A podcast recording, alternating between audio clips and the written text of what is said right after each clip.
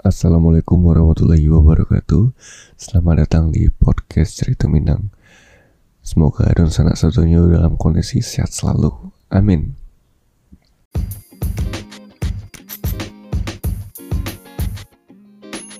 Halo Dun Sana, kalau Dun Sana alun tahu tentang Anchor, jadi nyotu tampil paling gampang untuk beli podcast. Nah, Anchor tuh perai, sudah tuh inyo ada itu yang bisa merekam cuma edit podcast langsung dari HP ataupun komputer sana. Beko, Anchor akan mendistribusikan podcast Dun Sana ke Spotify. Dan yang terakhir, Dun Sana bisa juga hasilan pitih dari podcast tanpa pandangan minimum.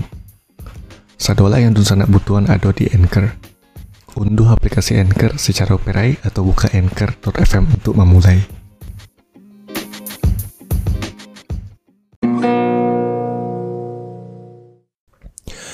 Kaliku ambo um, bahas tentang salah satu yang sedang rami ya yaitu tentang mudik dengan judulnya kaliku tidak diterapkan pembatasan mudik dalam wilayah Sumbar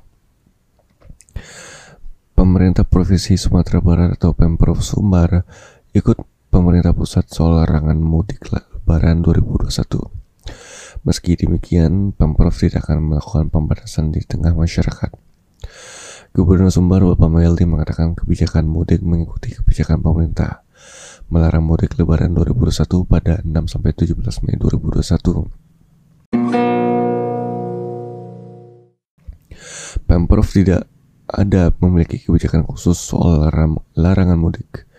Mudik tidak boleh mudik tidak boleh oleh pemerintah pusat karena tidak boleh ya kita ikuti saja katanya di kantor gubernur Kamis 1 April 2021 terkait pembatasan perjalanan di tengah masyarakat dirinya menyatakan tidak akan melakukan itu hal itu karena kebijakan seperti itu membutuhkan biaya yang besar Sampai sekarang juga belum ada petunjuk teknis pelaksanaannya oleh pemerintah pusat. Kita tidak lakukan pembatasan karena itu butuh biaya, sebab uang kita sedikit.